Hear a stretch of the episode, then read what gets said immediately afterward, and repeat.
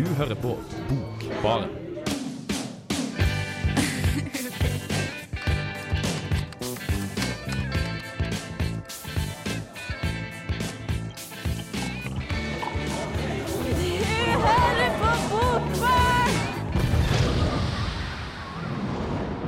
Det er eh, den tida på året igjen.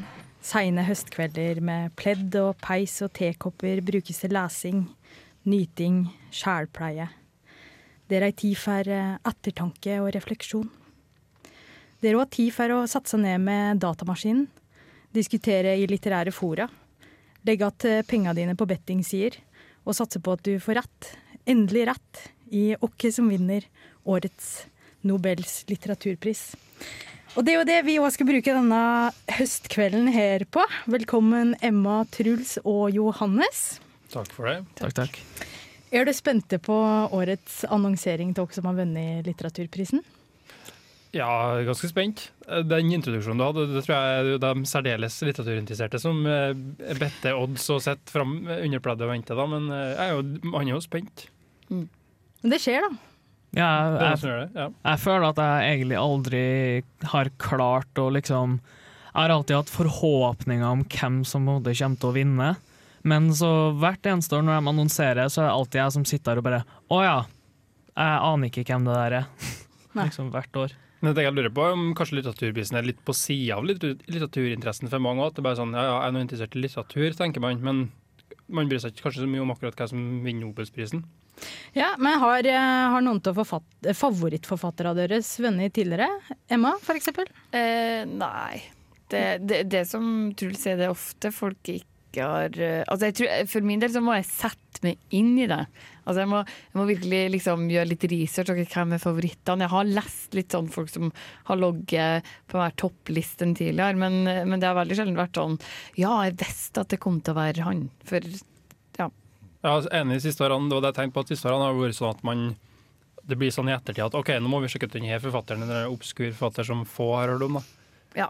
For, for det generelle publikummet. Ja. Men du da, Truls? Nei, jeg, um, jeg har jo liksom tatt opp bøker eh, som jeg har lånt på biblioteket, og så har jo det vært ifra forfattere som jeg på en måte har visst har vunnet Nobelprisen i litteratur. For eksempel sånn, da er det jo gjerne den gamle, eldre garde, da, med William Faulkner og Hemingway, og uh, alle er jo amerikanere, som er en ja, fellesnevner bare gjennom hele greia. Men Ja. Ja. Men en av mine favorittforfattere også er jo Nobel eh, litteraturprisvinner. Du vet jo ikke det er, Johannes? Ja, han eh, Kutze, ja. Kutze, ja. Ah. Ja. ja. Det er også en, eh, en annen favoritt, da, Thomas Tranströmer. Svenske Thomas Tranströmer rakk jo akkurat å få Nobel litteraturpris før han dog, han òg. Mm. Jeg tror Den mest kjente som jeg kommer på de siste årene, er Alice Munro. Hun tror jeg var kjent for meg ja, Kanskje ikke før, men i hvert fall så syns jeg hun var ganske kjent. Ja, men bortsett fra det så har det vært totalt ukjente egentlig for, for min del de siste årene. Mora mi hadde masse bøker av Doris Lessing i oppveksten min, så når Doris Lessing vant, så var det faktisk første gangen jeg var sånn Ah, jeg vet faktisk hvem det er. Mm, mm. Det er jo ti år siden nå, tror jeg. Ja. Eh, Leonard Cohen sa det i fjor, at det er på en måte mm, litteratur eh, Han sa To me, the Nobel is like pinning a medal on Mount Everest for being the highest mountain.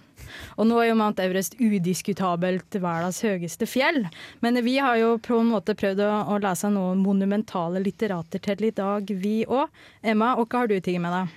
Eh, Nugi wa Tiongo heter han. Eh, en eh, kenyansk forfatter som har et veldig stort forfatterskap bak seg. Begynte å skrive på 60-tallet og er fremdeles produktiv, sånn som jeg forstår det. Så jeg har lest en av romanene hans, en av de tidlige romanene hans, som ble oversatt til norsk i år, faktisk. Det er kult. Ja. Truls, hva har du med deg? Jeg har eh, med meg den amerikanske postmodernisten Thomas Pynchon, som er eh, ganske kjent i, i eh, litteraturverdenen for å være en av de mest kreative postmodernistene i denne her, liksom siste, siste 40 årene, vil jeg si. Ja, det Så, er nice. mm. Johannes?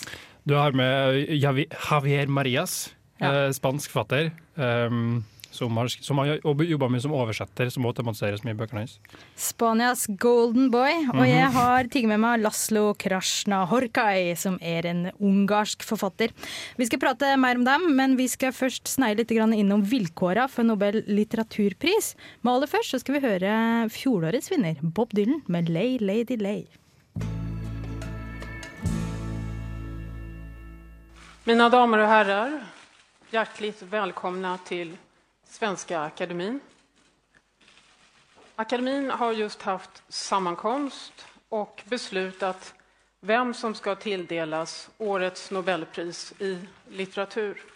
Nobelpriset i litteratur år 2016 tilldelas Bob Dylan.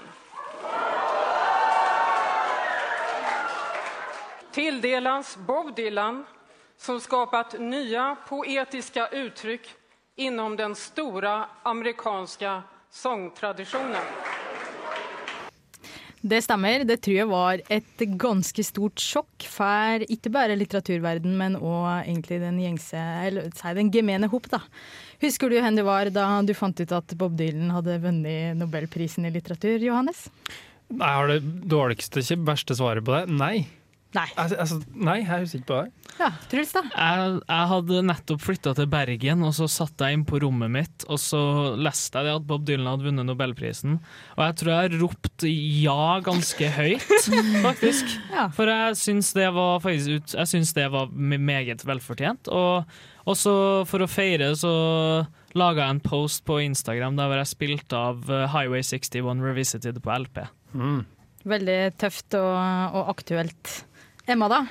Eh, nei, jeg satt nok på en lesesal og eh, sjekka Og gren, og glede. Og gren og glede. Ja, riktig. Jeg satt eh, i baksetet på en bil, faktisk. Nei, Vi var på vei til hytta, mutter'n og fatter'n og neven min og jeg, da jeg var på NRK og leste dette her, og jeg måtte da annonsere det for hele bilen. Kanskje veldig uinteressant for min far og min nevø på fem at Bob Dylan hadde vunnet. Mamma litt mer, litt mer happy på mine vegne. Og så sendte jeg faktisk melding til deg, Johannes. Ganske tidligere tidlig på. Gjorde du det? Det er Ja. vet du. Ja. Men, eh, men eh, hvordan endra stemninga seg i bilen? da? Ble den i hele tatt? Gjorde den det? Nei, det var kanskje bare mest meg som var veldig spent og litt opprørt på en positiv måte over at de hadde valgt å gå den veien. Mm. For jeg, jeg tror det må sies at jeg syns det er kult, eh, sånn som du sa, Truls, at du, du faktisk fikk en stor reaksjon på det. Men jeg tror for mange er det bare sånn ja, Ja. sku- skuldertrekk, kanskje. Ja, det Kanskje derfor det ikke har festa seg sånn til meg. Men eh, til jeg er jo glad i Bob Dylan. Men, ja. Ja, ja. Ja, jeg, jeg tenker at eh, det, det Vi prater om hvem man vet om av eh, nobelprisvinnerne, men Bob Dylan er i hvert fall en av de nobelprisvinnerne som nesten alle vet hvem var før eh, han vant prisen. Og jeg tror, og det har jo vært diskutert tidligere, det var jo ikke et enormt sjokk, tror jeg ikke. Eller jo, et sjokk var det, men det var likevel ikke noe som man ikke hadde hørt om tidligere. tenker jeg. Men jeg tror det som sjokkerte veldig mange, var at han er den første som kanskje driver med lyrikk på den ganske utradisjonelle måten som er da visesang. For eh, Nobels litteraturpris er jo da en av fem priser, eh, sammen med kjemi, fysikk, eh, eh, fred og psykologi slash medisin. Så er det en av fem priser som liksom skal fungere som det. Eller ha det mm, The greatest benefit eh, on mankind, da. Så det er ofte idealistiske forfatterskap som får dette her, og store forfatterskap og, og innimellom ukjente, da. Men jeg tenkte vi skulle ta et kort sånn historisk tilbakeblikk, for det, eh, denne prisen ble første gang utdelt i 1901. Eh, Så dette er 110. gangen faktisk som den deles ut. Eh, Det var, har vært pause under krigen, også i 1935. Det har vært 113 mottakere hittil. Blant dem så er det 16 skandinavier. Og prisen blir ofte liksom kritisert for å være veldig eurosentrisk. Og da er det verdt å nevne at det faktisk åtte svensker som har vunnet inn. eh, Og det er mer enn hele Asia til sammen med sine sju. Og Latin-Amerika med sine sju, faktisk. Wow. Ja. Første vinneren det var franske Sully Prudhomme. Eh, I 1903 så vant jo norske Bjørnstjerne Bjørnsonprisen. Og det er jo to andre nordmenn òg som har vunnet inn. Er det noen som har lyst til å Ja, der skuter opp med never. Truls? Ja, eh, det er vel Knut Hamsun og Sigrid Undset. Det stemmer. Også i 1909 så vant første kvinneprisen Selma Lagerlöf. Eh, er det noen som har lyst til å gjette hvor mange kvinner som til sammen har vunnet Nobels Hvor mange var det til sammen? 100, nei, 113? Den er delt ut til 100 og 113 mottakere. Ja. Oi. Eh, skal jeg tippe? Um, 25. 14. Ja. 14 damer og, og 99 kærer, da. Wow. Så, så det er jo lav å håpe kanskje at det er en kvinne som vinner det i år. Da er det Margaret Atwood som er kanskje den største favoritten. Mm. Eh, men vi må, jo, vi må jo høre litt musikk òg. Da skal vi høre Jonas Ledangs 'Forever's Gone'.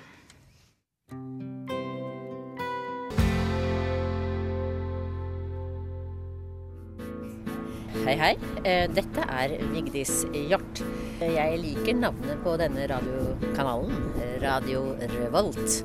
Hør på magasinet Bokbarn. Det å sitte på bar og lese bok, det er ikke det verste. Vi eh, har valgt å rett og slett spekulere i hvem som vinner eh, Nobelpris, eh, litteraturprisen i år, vi. Eh, så vi har en Nobelpris, eh, litteraturprissending. Kriterier for å vinne denne prisen her, eh, Johannes. Mm. Her er dem. Jeg lurte på hele tatt hvem det er som bestemmer og hvem det er som nominerer, men det begynner sånn allerede i september året før. Jeg har lest meg fram til at det svenske akademiet da, sender ut invitasjoner til å nominere. Og da er det forskjellige folk som kan, nominere, som kan være med og nominere. da. Blant annet altså det svenske akademiet sjøl, medlemmene der, de er 18 stykker. De kan nominere. Her står det på nettsidene deres professorer i litteratur og lingvistikk eh, ved enkelte universitet. Og Hvordan utvelgelsesprosessen er, det vet jeg ikke, men det er i hvert fall litteraturprofessorer. da.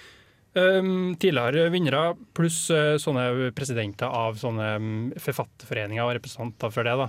Så det, det må rett og slett inviteres til, til å nominere. da. Og så kommer det en drøss med nominasjoner, vi snakker om hundrevis av nominasjoner, som da komiteen da snevrer inn. da også, og til slutt til syvende og sist så er det den her, det svenske akademiet som de kalles det, på 18 medlemmer, som bestemmer hvem det er som skal vinne. Ja, Mm. enkelt og greit. Ja, du kan jo si at enkelt, men jeg syns det høres litt vanskelig ut. For det, jeg har ikke funnet ut så mye om hva som på en måte er deres vurdering når de på en måte har snevra inn og bestemt seg for det. det. Vi har jo noen kriterier, kriterier som er sånn um, hvis, det, hvis det ikke må ikke være samme nasjonalitet som han i fjor, kanskje Mm. litt veksling mellom kjønn, men det er vel ikke, helt, det er vel ikke en regel. Nei, 99-14. ja. Det er Just dårlig say- den regelen. Ja. sammen. ja, men jeg ser for meg de blir mer og mer opptatt av det Ja da, nå enn det før. Ja. Um, kanskje at man er opptatt av litt variasjon i, i det som vinner, men sånn utover det så vet jeg ikke hvilke estetiske kriterier som de, eh, de legger til. Nei. Men skal vi høre her, har betting si om seier, da? Truls, du har vært inne og sjekka oddsa for de som er årets forhåndsfavoritter. Ja, altså Vi har da troende førsteplassen er da Emma sin forfatter Ngugi wa Tiongo, som har eh, tre til én på seg. Og så har vi Haruki Murakami, som har fire til én. Margaret Atwood, som har fem til én. Og den første Vi har nordmann også, det er Jon Fosse, men han har 16 til én. Så Det er ikke i- så bra. 16, den. det er ikke veldig bra med tanke på at uh, i utrolig uh, basic uh, betting terms så betyr det at hvis du vedder 100 dollar på at Jon Fosse vinner, og han gjør det, så vinner du 1700 dollar. Så du vinner 17 ganger det liksom du har uh, gambla, da. Ja. Så det er ganske lave odds, egentlig. Nå er ikke noen ekspert på odds, altså, men i sånn sport og sånn, da, så har man jo en, mer en viss kontinuitet og en slags uh, kunnskapsgrunnlag man kan gå ut ifra. Hvordan har et fotballag gjort det de siste tre kampene? Uh, så kan man se på det. Men her er- vil jeg tro det er mer lotto. da. Altså, man kunne ha eh, tenkt på hva oddsen for Bob Dylan var i fjor. Den var sikkert ganske høy, vil jeg tro.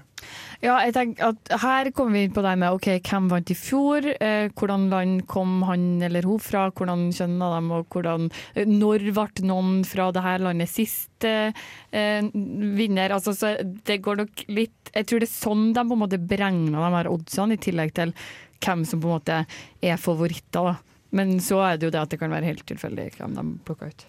Ja, samt at eh, det er derfor jeg tror eh, Jeg tror Adunis kommer til å vinne, fordi det er 12 til 1, og det er jo ikke så kjempebra odds, men det her er han har blitt nominert, sånn, vært sånn favoritt siden 1988, og er Ja.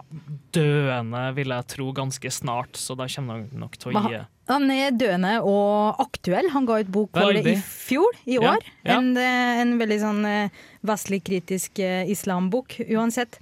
Vi skal høre Hanne Hukkelbergs 'Embroidery'.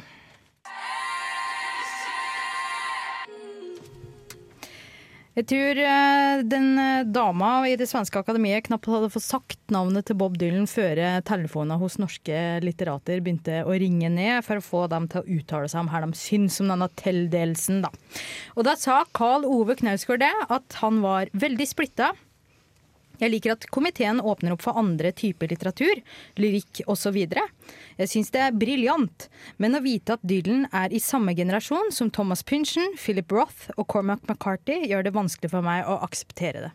Og det er da tildelelsen av eh, litteraturprisen til Bob Dylan. Og du har jo tiget med deg Thomas Pynchon i dag, du Truls. Det har jeg. Eh, Thomas Pynchon er da en Jeg valgte jo en amerikansk forfatter, altså han kommer jo ikke til å vinne, men jeg håper han kommer til å vinne en eller annen gang. Han er født i 1937, og han er kjent for sine utrolig mangfoldige tematiske bøker og strukturmessig veldig, veldig kompliserte bøker. Uh, han er mest kjent for 'Gravity's Rainbow' fra 1973 og 'Mason Dixon', som er boka som jeg har uh, lest litt i for å få et inntrykk. Og um, Mason Dixon er da uh, en slags, i utgangspunktet en biografi om to landmålere i USA som heter Mason og Dixon, som laga en linje som i dag heter Mason-Dixon-linja. Men boka her uh, prøver å fortelle noe om hvordan historie i seg sjøl er et veldig sensitivt og uh, det er liksom noe man ikke kan stole helt på. Fordi den personen som forteller denne historien, er en pastor som heter Cherry Coke, som uh, forteller om sine eventyr sammen med Mason og Dixon. Men det er aldri helt sikkert om hvor troverdig han er som en forteller. Og han forteller vandrehistorier og bare tull, rett og slett. Og masse anekdoter og masse av, bare avgrensninger fra hovedplottet. Da. Og um, utrolig kreativt språk, og han skriver på en sånn 1700-tallsmåte og bruker anakroisme som et virkemiddel for å skape en sånt eh, fjernt forhold der hvor du bare sitter og er forundret over alt i den boka. da. Ja, jeg har hørt at han enorm, er enormt stilsikker og en skikkelig sånn formens mester. Ja, absolutt, og eh, det skinner i hvert fall gjennom i Mason Dixon, da, som er mesterverket hans, vil nå i hvert fall de fleste akademikere si. Ja.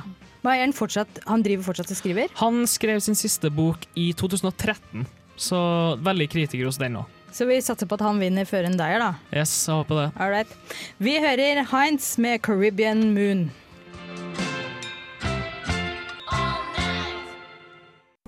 Hallo, dette er Karl Ove Knausgård. Hver gang jeg er i Trondheim, så hører jeg på Bokbaren. Et fantastisk, eh, fantastisk bokprogram. Vi er tilbake.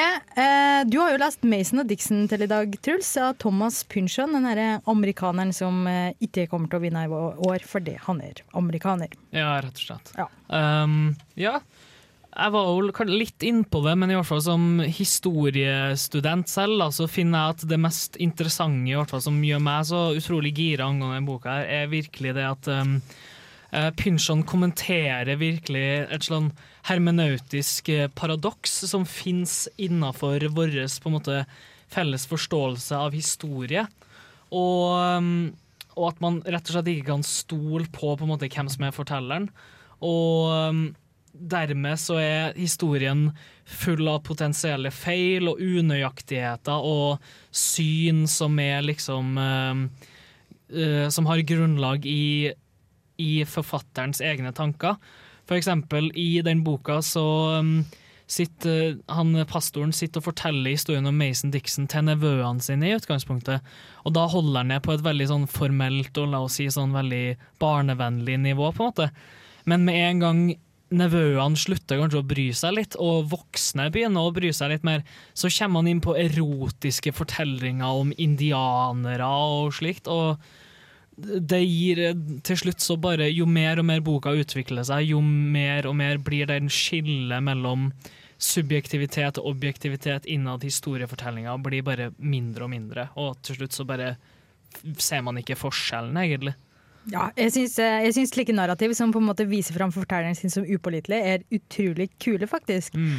Men eh, jeg leste jo innledningsvis et sitat ifra, ifra Knausgård om at det, han, eh, han syntes Han klarte ikke helt å vanne seg til tanken på at Bob Dylan hadde vunnet inn i stedet for en del av de her eh, andre store amerikanske forfattere i fjor. Her syns du? Var det du som var så glad når Bob Dylan vant? Um, altså, jeg har ikke Jeg har ikke lest nok av Pynchons liksom, forfatterverk fra liksom hans tidligere liksom sånn 20-årsbøker til liksom uh, Jeg har liksom ikke fått lest noe særlig av dem egentlig, så jeg kan egentlig ikke si noe om forfatterskapene sånn generelt. Men, så jeg har jo et mer forhold til Bob Dylan, da. Men jeg kan jo si det at jeg, jeg syns jo på en måte Pynchon er mer kreativ i den form som en postmodernist enn Dylan er i den form som Altså, han er en veldig flink lyriker, og han sprer lyrikk til massene, kan man si. Men han gjør vel ikke noe særlig mye mer enn det, kanskje? Nei, og så må det være lov å si at eh, Bob Dylan er modernist, og den påstanden skal du ikke få lov til å kommentere før vi må gå videre. Johannes, du har lest en eh, spanjol til i dag. Du er en spennende spanjol. Ja, han var veldig spennende, syns jeg. Eh, Javier Marias blir det på trønderdialekta mi. Javier. Javier Marias. Han er født i 1951, så han er i rett alder, i hvert fall. En gubbe i 60-årene.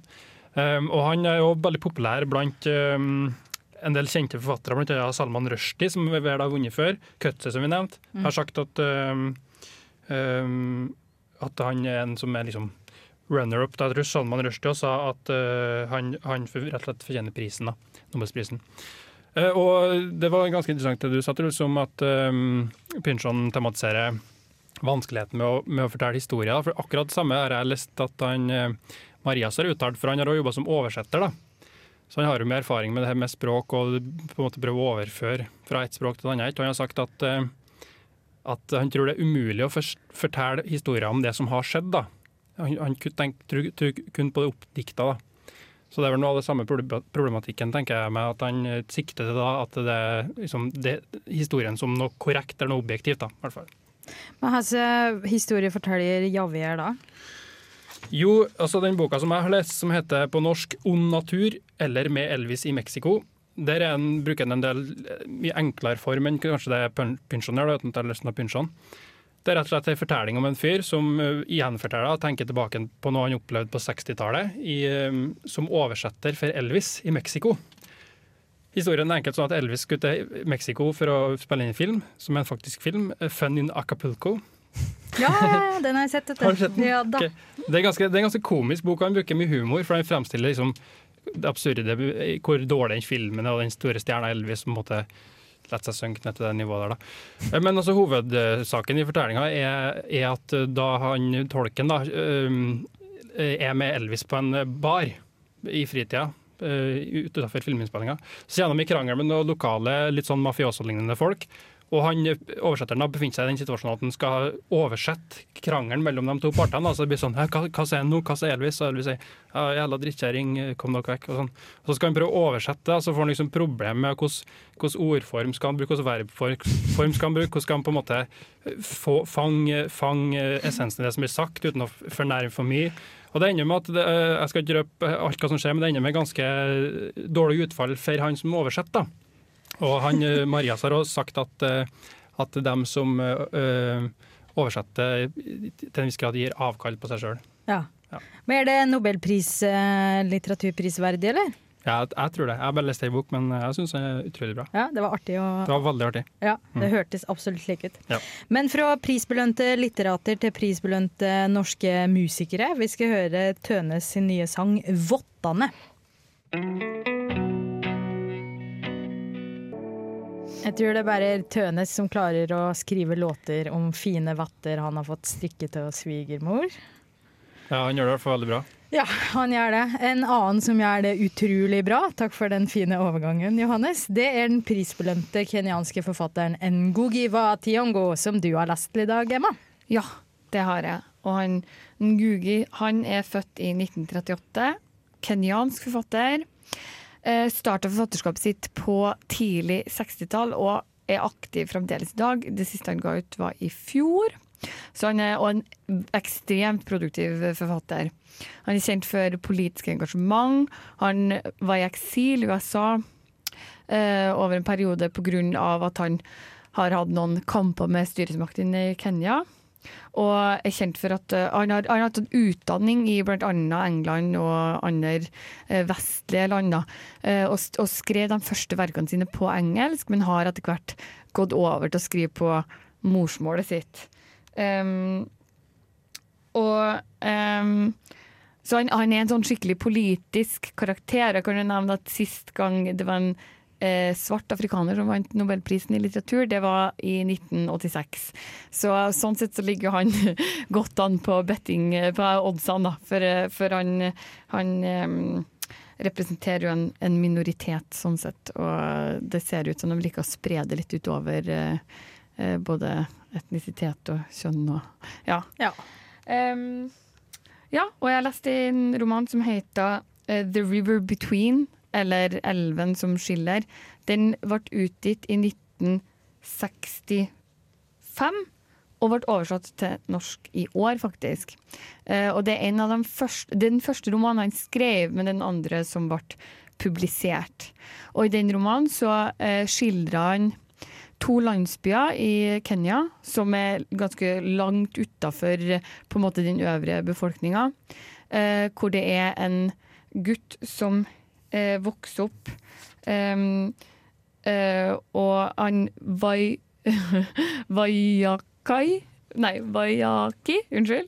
Uh, han vokste opp i denne landsbyen og eh, får vite av faren sin at han, eh, han, er en slags profet. Han, han, er en frelser som skal føre folket tilbake til eh, til kulturen sin, fordi det her er på den tida at britene invaderer og kolonialiserer Kenya, og kristendommen begynner å spre, spre seg. Og det er faren hans som hans Wayaki som har eh, eh, på en måte eh, for, Altså, som har sett at de her britene kom til å komme, altså de hvite folkene kom til å komme. Og det er han Wayaki som skal være den som, eh, som frigjør folket, da, og som leder dem på den rette vei. Sånn at det er en veldig sånn um, det er veldig interessant, da, fordi romanen det er skrevet altså Det nærmeste jeg kommer å sammenligne med, er liksom Ursula Le Guin sin 'Wizard of Earthsea', som en sånn der eh, fantasy-roman. Det er et sånn utrolig sånn episk perspektiv. Det handler veldig mye om sånn hvor man er, geografien er veldig viktig. Ja, Men det, men det, det der kenyanske eller afrikanske, den kulturen òg, er vel veldig viktig for han? Det høres ut som i både den boka og forfatterskapet øvrig, da. Definitivt, og man kan jo på en måte altså, jeg vil definitivt si at man kan lese denne boka veldig idealistisk, og den handler veldig mye om måte viktigheten av å bevare sin egen kultur og stå imot den her britiske eh, kolonialiseringa. Og det er jo det han òg er kjent for å gjøre i virkeligheten, han Ngui. da. Så, så, det på en måte, det kan veldig lett leses inn i romanen. Og det som kanskje er det mest interessante, er at det er en ganske stor del av romanen som dreier seg rundt omskjæring av jenter. Og her blir det jo på en måte eh, altså de, jeg har lest litt om det, og folk som på en måte forklarer perspektiver. For det kan leses litt som at Gui er på en måte en forkjemper for omskjæring av jenter. Og i denne kulturen så omskjæres både gutter og jenter, skal sies. Og i romanen så er det to jenter som på en måte veldig gjerne vil omskjæres, men de har kristne foreldre, sånn at det er på en måte ansett som en synd å omskjæres. Men men omskjæring er på en måte en så integrert del av det å bli voksen. Det å gifte altså institusjon, ekteskap, er basert på det her ritualet. Og det er helt umulig å liksom se for seg at man skal kunne bli voksen uten å gjennomføre et sånt ritual. Og det er veldig spesielt å lese et sånt perspektiv på det vi i Norge gjerne kaller kjønnslemlestelse, liksom. Men, men, det, men det så, Ja, så det er veldig um, Altså han, det handler mye om kulturen og, og om de kolon, altså den kolonialiseringa. Mm. Mm. Men eh, kjønnslemlestelse til side, da, så kan jo sjekke til en av de her viktige stikkordene for en nobelprisvinner, og det er nettopp eh, å være en idealistisk forfatter. Yes, fra Kenya til Ungarn, for jeg har nettopp lest en ungarsk forfatter til i dag. Og det er kun én tidligere ungarer som har vunnet Nobel litteraturpris. Nei, jeg vet ikke. jeg Er det Lukács du har lest i Oh, ja, nei. nei, ikke til i dag. Han er heldigvis ferdig med. Det var teoretikeren på masteren min, for alle som ikke vet det. Men eh, Imre Kertes vant eh, nobelprisen i 2002. Han er ungarer, i tillegg til Laslo Krasjnahorkai. Eh, og Laslo Krasjnahorkai han er på en måte kjent som eh, akopalypsemesteren. Han skriver mye melankolske eh, og postmodernistiske og dystopiske fortellinger. Veldig sånne eh, svære, labyrintiske fortellinger. Eh, de er nesten like monstrøse som tematikken hans, for han er veldig svart, bruker mye svart humor. Og i grunnen til at han er veldig sånn akt, aktuell, er ikke bare fordi han skriver god litteratur, men han vant og han er prisbelønna, og vant i 2015 Man Booker Prize, som òg er en indikator på at du gjerne er potensielt til å vinne, vinne Nobelprisen. Og han vant den prisen nettopp for det han gjør med språket sitt, for det er et, eh, et ganske spennende språk. Um, og, og, og det, som bare flyter som ei elv. på en måte Det er endeløse setninger. Han, han benytter seg av grep som stream of consciousness og er veldig dårlig på å sette punktum. Men i motsetning til kanskje en debutant vi prata om forrige sending, så er dette her knallgod litteratur. da. Eh, og han vant da den Man Booker Prize for, for eh, debutromanen sin 'Satan-tango', som er ei labyrintisk, veldig, veldig artig fortelling. Så jeg anbefaler død som er glad i eh, dystopi og svart humor, å sjekke ut Krasjnahorkai. Eh, og så, altså så, blir det veldig veldig spennende å se om han vinner, eller om noen andre vinner. For denne prisen, eller vinneren for prisen i år, annonseres nå allerede på torsdag. Oh, What? Torsdag 5. oktober. Torsdag 5. oktober, ja. Mm. Så eh, Emma, hva tror du vinner? Blir det en gogi? Jeg holder faktisk en knapp på han, det må jeg si. Han skilte seg litt fra dem de som har vunnet prisen sist, og det kan jo faktisk se ut som de har et, en tendens til å på en måte prøve å velge ja, At det er et slags mønster der da, i at de ikke velger en ny amerikaner i år. Og det jeg leste av han er veldig bra, det er veldig sterk litteratur, men så har han noen sånn enorm politisk eh, påvirkning og på en måte et sånt veldig politisk fatterskap da, som jeg tror at kan falle i smak hos det, den svenske akademien. Svenske så, akademien. Ja, ja. så jeg tror, no, jeg, jeg, jeg tror han ligger på toppen av en del av booking, nei, odds-listen. Så jeg, jeg, jeg, tror faktisk at han godt kan vinne. Ja, Du trenger ikke tro, han, han gjør jo det. Og, ja. og, to andre forfattere som òg ligger og vaker litt i toppen, Wafa Haruki Murakami og norske Jon Fosse. Her tenker du om, om sjansen til, til f.eks. Murakami, da, som, som, har vært en, en favoritt eh, i mange år. Ja, hvis du spør meg om mine favoritter, så har jeg litt tro på han. Jeg vet ikke, Er det noe som på en måte gjør at han ikke kan få han? Altså, sånn, sånn som vi om, Det er jo enkelte ting hvis det er samme nasjonalitet eller noe sånt. Det er ikke noe med det. det. Altså, han, han, han ligger vel òg litt eh, Jeg føler at han han ja. Gugi er litt i samme Ja, Da tipper jeg på Murakami, men eh, ja, vanskelig å si. Jeg leste jo det at det er hun Svetlana som vant for to år siden, Aleksijevitsj. Uh, hun sa det at hun kunne gjerne tenke seg å se denne prisen gå til Haruki Murakami, og det skal visstnok på en måte veie litt tungt, tungt da, de her nominasjonene fra tidligere, tidligere prisvinnere. Mm. Men så er det noen forfattere, vi var litt på det i stad, som du sa, du sa du ønska Pynchon som vinner, men det er noen på en måte som uvisst av hvilken grunn, for meg i hvert fall, som detter helt ut. da, F.eks. Eh, Milan Kundra så jeg langt ned på ei sånn oddsliste. Så jeg vet ikke helt hvorfor han ikke er aktuell i det hele tatt, men det er jo en del sånne typer. og Jeg har noen amerikanske favoritter, eller så er det en, da, Cormac McCarthy, som jeg syns eh, er kult. Men han vinner jo opplagt ikke, da. Men eh.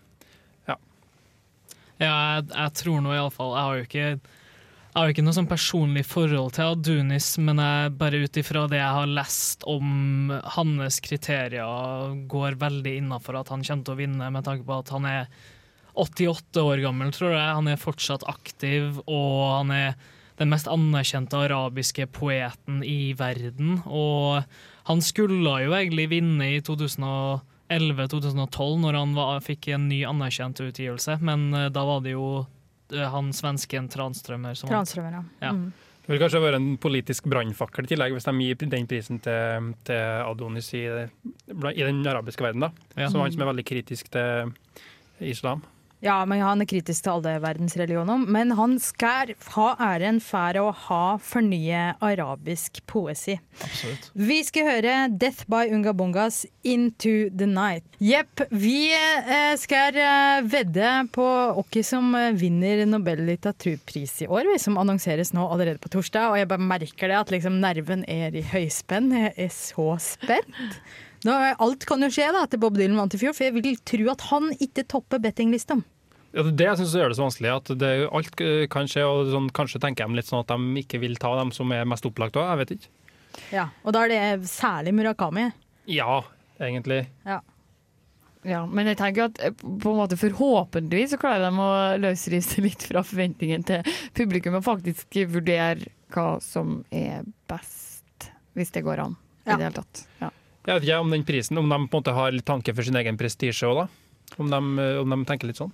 Jo, jeg tror, jeg tror de må ha det, men Ja. så tror jeg òg at det de har begynt å tenke litt på, at det de må rekke å gi folk denne prisen før de deier. Eh, og slik sett så er Adonis, som du har nevnt, eh, Truls, en veldig god kandidat i år, da. Mm. Egentlig. Og det er han Ngugi òg, da. Ja, han som er. Ja. de, de, som er favoritter, har jo kanskje det til felles at de er jo gjerne i over 80-årene. Er de ikke? Margaret Atwood er vel ganske gammel. Ja, Ja. hun- ja, er er det? Er så gammel? Ja, men hun er superaktuell om dagen, da. Ja. for Ja. The Handmaid's Tale var jo en superhit. Absolutt. absolutt. Og spørsmålet er hvor mange nobelprisvinnere har hatt TV-serier laga av bøkene sine? Ja, det var ikke et spørsmål. Kanskje det er en ny Så kanskje det, kriterium. kanskje det blir Margaret Atwood sin, Ja. som uh, innfører det kriteriet, da. Ja. Det er mye filmatiseringer ute og går, vil jeg tro. Satan Tango er jo en syv og en halv time lang filmatisering, så anbefales. Ja, Har du sett den? Jepp. Ok, Sju og en halv time med Satan-tango. Men Den det er fantastisk. kan jo høres spennende ut, det da. Men du Johannes har ikke nevnt noen navn. Det vi har Ngogi, Adonis, Ja, da sa jeg Murakami. ja, da. Murakami. Hva sier du, Siri? Uff, jeg veit ikke. Jeg får helt uh, jerntappe igjen. Vil du ha Kjell Murakami, så kan jeg ta, kan jeg ta Om jeg vil ha Murakami. Da tar jeg Javier Marias. Ok, ja, men da sier jeg Murakami. OK, okay. da har vi en bet. Eh, takk til vår tekniker Mathias. Takk til Emma, Truls, Johannes og jeg heter Siri. Det her er Døden med Kom deg unna.